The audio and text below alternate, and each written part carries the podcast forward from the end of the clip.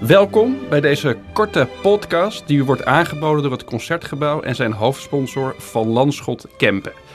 Ik ben Thomas de Jonker, ik ben webredacteur bij het Concertgebouw en ik vertel u graag in een paar minuten iets over de revolutionaire derde symfonie van Beethoven. Revolutionair, zeker.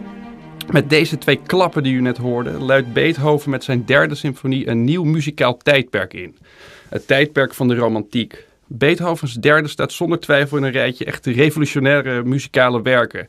Naast uh, bijvoorbeeld Sgt. Pepper van de, van de Beatles of de Sacre du Printemps van uh, Stravinsky. Revolutionair en vernieuwend, uh, dat is makkelijk gezegd, maar wat maakt iets nou eigenlijk revolutionair? In de derde symfonie van Beethoven zijn er een aantal fijne, eenvoudige voorbeelden van te geven. Zo was het verreweg de langste symfonie tot dat moment. Bijna twee keer zo lang als alle symfonieën die uh, daarvoor uh, waren gecomponeerd. En voor de eerste keer zaten er bijvoorbeeld drie hornisten in het symfonieorkest.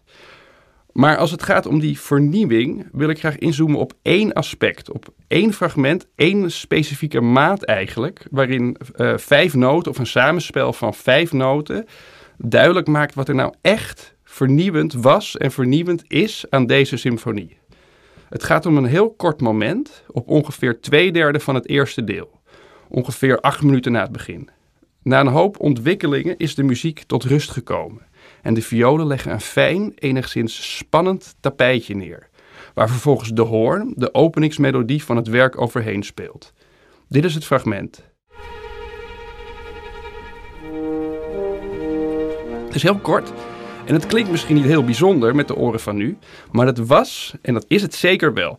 Over dit fragment zei de assistent van Beethoven bijvoorbeeld, toen hij dit fragment voor de eerste keer hoorde: Die verdomde hornist, kan hij niet tellen? Dit klinkt vreselijk verkeerd. En uh, Berlioz, collega-componist eh, van Beethoven, was ook niet erg vriendelijk. Hij noemde dit stukje een absurde bevlieging. Dat zijn geen kleine woorden. Verkeerd, absurd.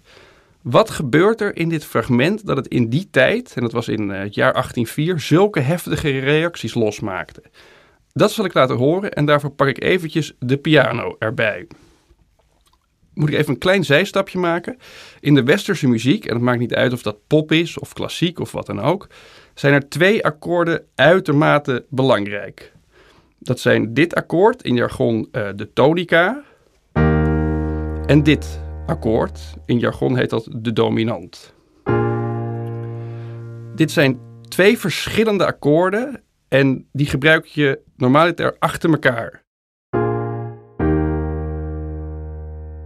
Je gebruikt ze niet tegelijkertijd, want dan wordt het een beetje een bende. Luister maar.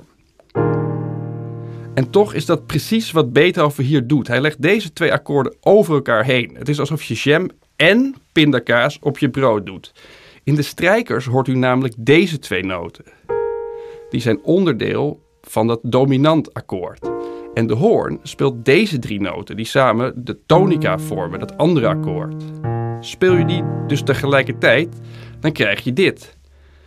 Jam en pindakaas. Dat had niemand tot dat moment ooit meegemaakt. Vernieuwend dus, revolutionair of absurd of verkeerd.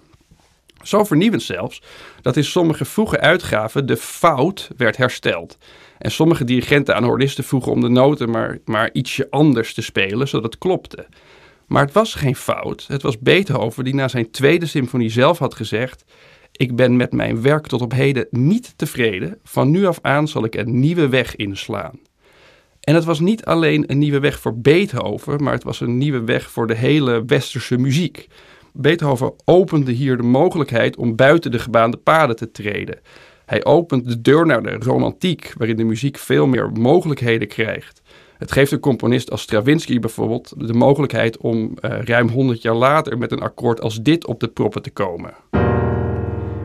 In de Sacre du Printemps, zo'n ander vernieuwend meesterwerk. Namens het Concertgebouw en van Landschot Kempen wens ik u een prachtig concert.